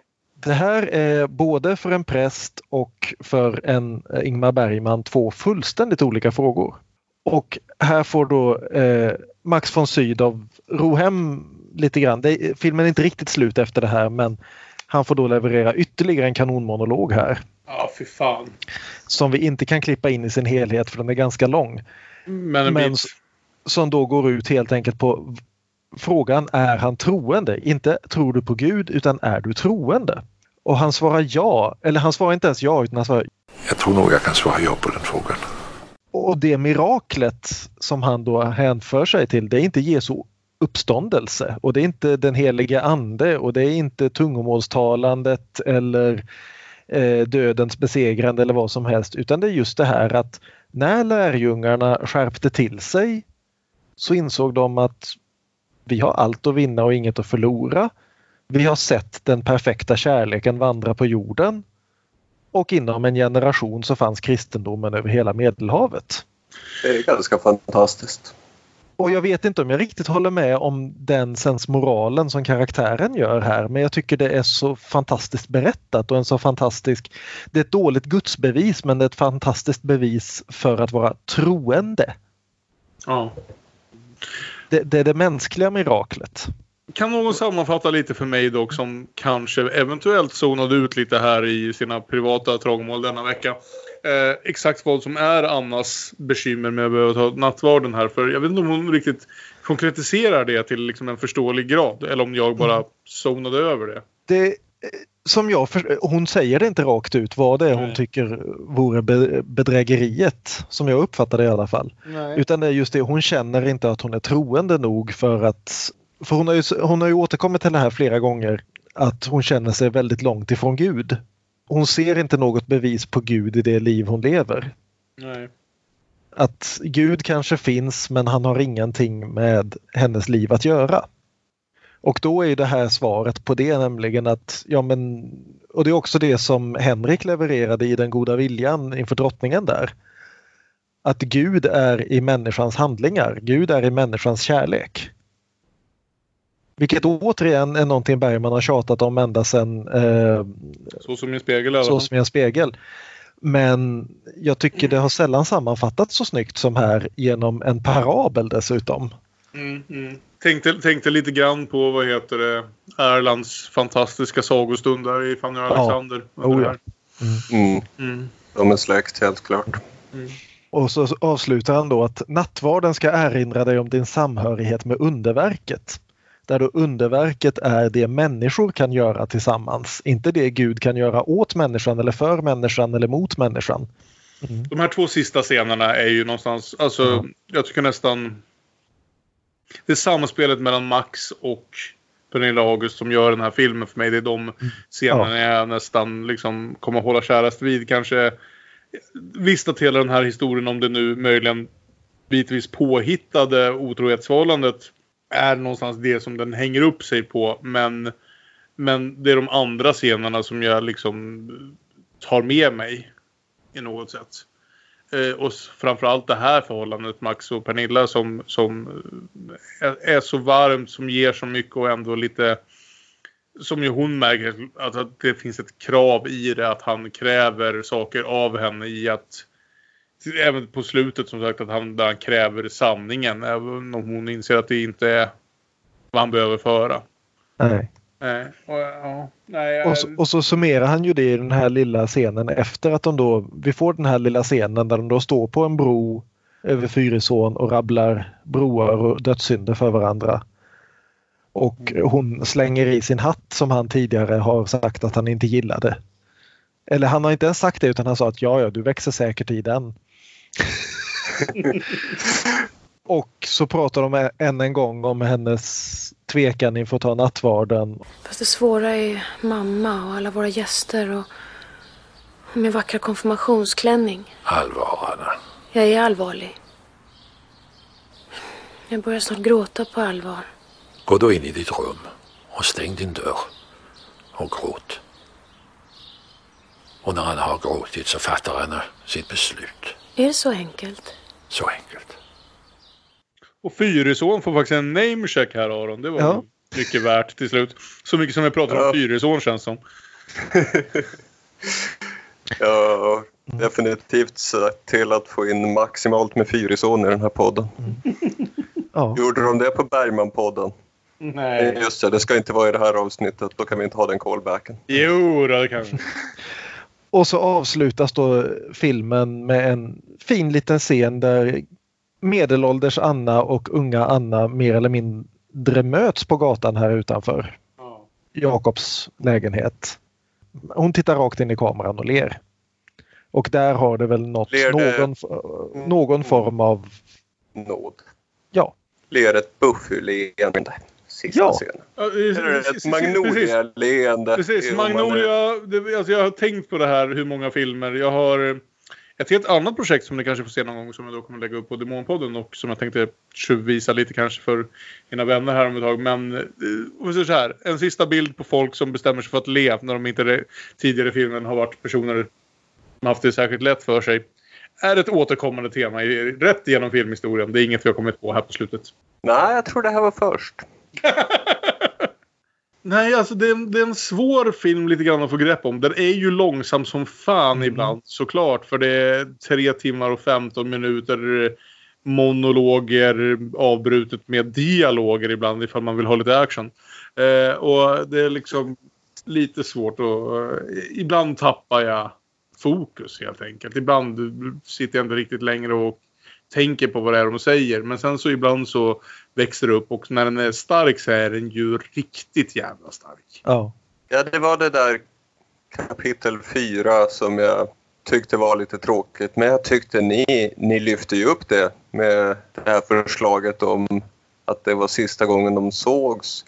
Så ja, trimma ner det lite bara. Så Någonstans, nå, någonstans mitt i det där, i hennes monolog där, en av alla de 400 monologerna som Pernilla August har. Där hon, när hon inte vet vilken dag det är, hon är så förvirrad efter att ha tagit sömnmedlet, hon vet inte riktigt vem hon är längre. Så slog det an, ja kanske lite till mitt, mitt eget liv just nu så hårt. Så det var ändå den gången som jag ändå fick, fick lite, äh, en av tre gånger under den här filmen som jag fick lite blött i ögonen. Men lite mer än de andra gångerna. Jag vet inte riktigt om det var kvaliteten i filmen eller bara min egen jävla sinnesstämning. Men, men, så jag tycker även den hade kvaliteter.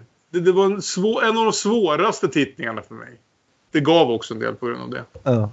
Alltså, jag, jag tycker att den här filmen hade kunnat trimmas en hel del. Det finns ju något väldigt hypnotiskt i just de här fantastiska monologerna men samtidigt så som sagt jag tycker det känns lite grann som att Pernilla August får helt fritt utrymme att liksom få alla typer av Bergman-monologer. Mm. Det känns nästan som en showreel. Och hon gör det väldigt bra varenda gång men jag är bara inte helt säker på att alla de här fantastiska monologerna behöver vara i samma film.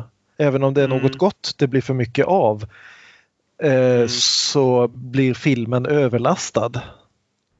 Ja, det var nog det som fick mig att tappa intresset lite där i samtal fyra. Att okej, vi har just haft den här en kvart långa när hon, vi ser hennes ansikte och hon pratar. Och sen, jaha, nu ska vi se hennes ansikte när hon pratar igen. Man börjar inse ändå att det kanske ändå finns en poäng ibland när de delar upp sånt här som tänkt för tv. Att det var där det var menat att ta en veckas paus. En dags paus. Även på tv? Jo, jag tror det var juldag och annan dag som det visades först. Åh fan, de gjorde det här som en riktig jävla julunderhållning för hela familjen också. Ja men då så. Jag visste inte det. Eh, men alltså, jul med Bergman, det var en fin SVT-tradition där. Ja, nej. De så, visade ju Fanny och Alexander nu så. Ja, men, men Fanny Alexander har ju lite andra sådana kvaliteter. Fanny Alexander har ju ett underhållningsvärde som inte den här har. Fanny Alexander höll mig ju i alla fall under en timme engagerad när jag var tio år gammal. Eh, det hade inte enskilda samtal gjort. Det, det fick ju jobba lite för det även nu. Liksom. Jag är faktiskt förvånad att de släppte den som en sån. Eh, det känns inte alls. Även den goda viljan ser jag någonstans bara i och med att det är mer av en Ja, men mer om en film om man vill säga så. Den har lite produktionsvärde, den har 300 skådisar. Eh, den har liksom, den utspelar sig i mer än bara ett rum som de har designat om. Så ser jag någonstans att, att den har ett mer, vad ska jag säga, allmängiltigt värde för folk som inte är lika Bergman-nördiga som vi. Den här är ju lite mer hardcore på samma sätt som liksom Ja, i och för sig, senare Utvecklingsskap gick ju uppenbarligen hem mot hela svenska folket. Men efter repetitionen skulle jag gärna vilja veta hur många som faktiskt såg. Ja, nej jag vet inte. Har vi något att tillägga om den här sista biten i det? Du föredrog den här Aron framför både Den goda viljan och Söndagsbarn. Jag tror det. Jag är väldigt förtjust i Söndagsbarn, mer än både ni, båda ni tror jag. Kanske bara att jag uppskattar någonstans den totala tonskiftningen från allt vi har sett på sistone.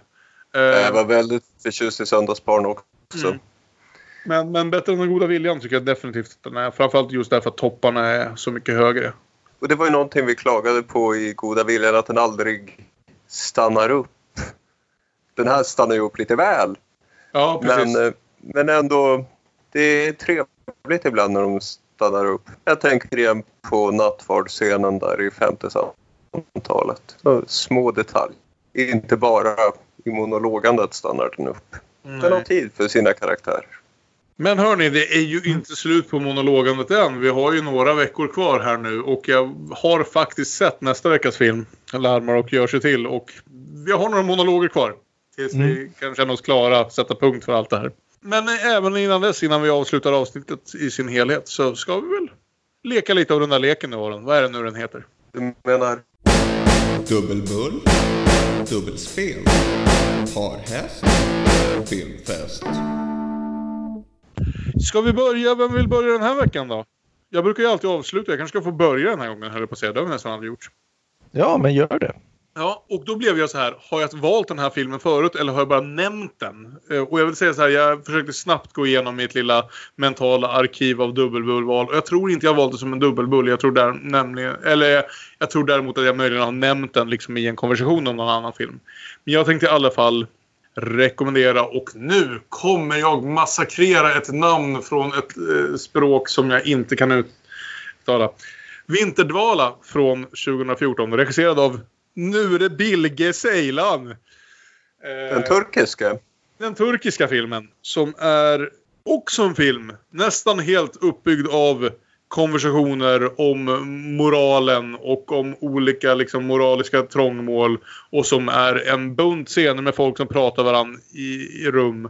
Men som än mer än den här skulle jag säga aldrig blir riktigt tråkig därför att den är den presenterar så intressanta moraliska trångmål och är så välskriven och välspelad i hur den sen går in på de här på djupet. Så till skillnad från de flesta filmer som försöker gilla att nudda vid moraliskt trångmål och sen typ tar sig igenom det med action verkligen dyker, dyker på djupet in i den här. Och varannan recension jag läst om den här filmen från andra människor nämner Chekhov. Jag antar att det beror på att den på något sätt bygger, tror jag, på någon av Tjechovs verk men sen är extremt omskriven och omarbetad för att fungera för en modern publik och i en modern tid. Ungefär Eh. som hur tio orsaker att hata dig skrev om Shakespeare. Ungefär så. Och jag vet inte om det finns ett lätt, en lätt sammanfattning av det, men man kan säga att det är framförallt skulle jag säga en... Ni vet ju hur, hur Bergmans är att prata om klass.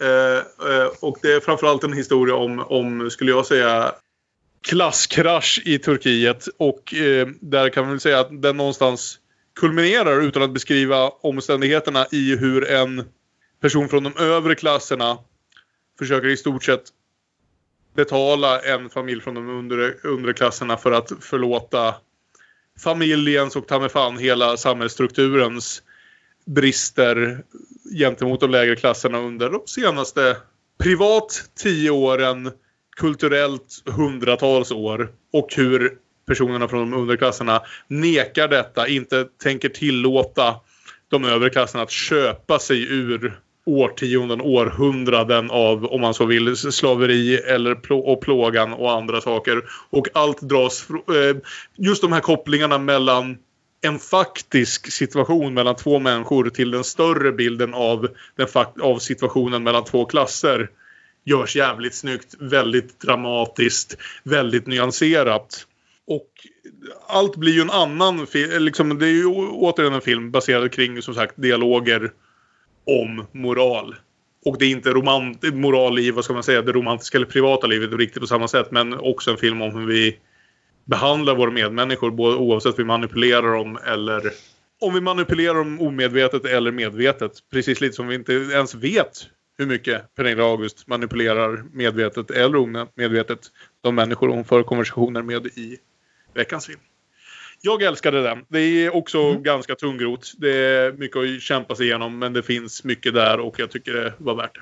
Spännande. Jag har aldrig ens hört talas om den filmen. Den, du sålde in den. Den är på min eh, ja, 60 filmer långa lista över filmer jag måste se innan jag kan uttala mig om 10-talets bästa film. Ja, men fint. Jag har den på en av de som jag måste se om inför dennes liknande lista. Oj, oj, det tog sig om också. Så, herregud, då blir man aldrig klar. Nej. Men jag kan ta en film som jag nu har sett för den listan. Så kanske kommer att komma med på den listan. Mm. Och ja, det är en, en ung kvinna som försöker hitta sin plats i tillvaron. skapa den, ärva den, göra vad hon kan med den. Jag tänker Lady Bird. Mm. Av, regisserad av Greta Gerwig. En till norsk regissör. På Söndagsbarn så letade jag febrilt efter en film med ett föräldraförhållande. När jag skulle hitta på en dubbelbull med kort varsel eftersom jag hade glömt det lite då. Och sen veckan efter satte jag mig ner och började beta av tiotals filmer. Och det var ju bara filmer om föräldraförhållanden och de var jättebra. Så, så ja, och Lady Bird var en av dem. Fin. Ja, lite yngre än vad Pernilla August är i fem av samtalen. Men också en sökare och ja, vem vet var Lady Bird hamnar. Och också väldigt, eh, väldigt fin beskrivning av ett väldigt konfliktfyllt mor-dotter-förhållande. Mm. Ja, precis. Det är ju behållningen. Mm. Ja, just det. Det fanns ju mor och dotter här också. Ja, men då har vi föräldrarelationen. Mm. Väldigt, väldigt bra gjort där. Eh, Jag tänkte först faktiskt ha en väldigt sprillans ny film, eh, Porträtt av en kvinna i brand och jag hade en Oh. väldigt lång motivering till varför en av årets, förra årets bästa filmer skulle gå ihop med den här. Men sen så kom jag på att det var alldeles på tok för länge, eftersom vi haft med Olof så lite på sistone så var det alldeles för länge sedan vi hade en stumfilm. Mm. Så jag tänker att vi går väl helt enkelt hela vägen tillbaka till Bergmans gamle mentor och säger Viktor Sjöströms The Wind från 1928. Just det. Den har jag aldrig sett av den enkla anledningen att varenda kopia jag någonsin har fått har haft den värsta jävla typen av stumfilmsmusik. Där allting Mm. låter som att det är förmodligen inspelat på ett syntpiano på 80-talet och tillagt på du vet VHS-versionen. Och Det jag kan jag bara, mycket väl tänka mig, ja. Men det är i alla fall en jävla bra film. barssedeln. Precis. Ja. Där då Lilian Gish, som vi ju känner igen från eh, Birth of a Nation, eh, eh, Vi spelar... talade om i Jungfrukällan-avsnittet. eh, spelar en ung kvinna som hamnar i en miljö där hon inte hör hemma och slits mellan två män där den ena är lite mjäkig och den andra är våldsam. Och eh, börjar bli mer och mer osäker på vad som är verkligt och vad som inte är det när hon sitter i den här stugan långt ut i vilda västern och det enda som någonsin faktiskt händer är att det blåser och det blåser och det blåser och det blåser tills hon börjar bli galen. Mm. Och kopplingen här är väl, det är inte en solklar koppling men jag tycker just den här idén om en kvinna som hamnar i ett läge där hon har både mindre och mer möjlighet att styra sin egen situation. Där hon är fast i ett förhållande i Lilian Girs fall därför att hon är bokstavligt en halv kontinent från hemmet och inte kan ta sig därifrån rent fysiskt. Men också just den här, det här sättet som Liv Ullmann gör här och som Viktor Sjöström gjorde där, där verkligheten löser upp sig lite grann i kanterna. Och där någonstans nåden finns i att någon säger till henne att någonstans lite grann gå med på lögnen. Att det, det, det presenteras en lögn och en sanning i filmen och i slutändan så är, kommer man gemensamt fram till vilken man väljer. Jag vill inte spoila filmen för den är värd att se utan att säga mer än så. Men eh, det är en väldigt, väldigt vacker film. Det är en väldigt hemsk film. När vi nu har snackat strumfilm lite tidigare i filmen så vill jag absolut lyfta fram en sån. Så ja, The Wind av Victor Sjöström. Eller Victor Seastrom som det står på i creditserna. Det, var roligt. Fantastiskt. Ja men hörni, det blev ju ett avsnitt även denna vecka. Jag, som, du- jag, varje gång jag tänker att den här filmen kan vi inte prata länge om så överbevisar ni mig. Även om jag knappt haft något att komma med känner jag. Ibland. Men med det sagt så avslutar vi väl den här veckans Demonpodd. Och ja, som det alltid kan ni nå oss via sociala medier. Vi är att Damonpodden på Twitter och Instagram. Vi är Damonpodden med Ä på Facebook. Man kan mejla damonpodden at gmail.com. Och så undrar jag ju som alltid Aron, har det skapats någon musik? Ja, visst har det det. I början av detta år har jag lyssnat på Beatles. Oj! Rätt bra band. Helt låter okej. ganska mycket som Slater Kinney. Så jag tänkte att jag försöker skriva en låt i Beatles-stil. Det är ju en kul sak filmen. för mig att titta tillbaka på de här året och komma ihåg. Ja just ja, då lyssnade jag på den. Oj, det var en skamlös stöld. Så det är min lilla dagbok för året. August singing in the dead of night. Eh, med, det, med det sagt. med det sagt så avslutar vi denna veckas Demonpodd och hoppas ni vill lyssna på oss nästa vecka igen när vi larmar och gör oss till. Ha det så bra tills vidare. Hej då! Hej då! Hej då! Något som är bara ditt, något egenskilt från världen och just din hemlighet. Tror du alls på att att tala sanningen, något som krävs av människans helighet? Kan ditt enda sätt att vara sann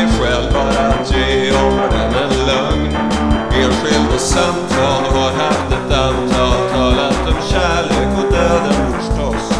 Enskilda samtal kan pågå i timtal, talat om trohet, talat om oss. Fyrisån som rinner genom stan, den har sju broar, sju som dödssynderna. Liknöjdhet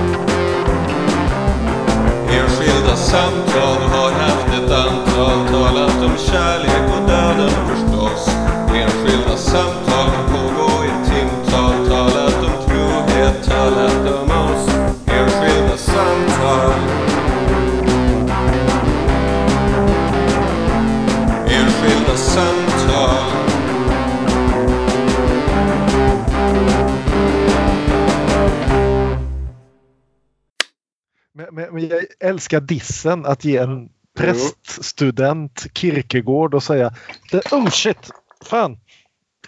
Sa hon inte men... Spara till bonusmaterial! Ehm, kan vi vänta fem minuter? Jag måste torka upp lite grann. här.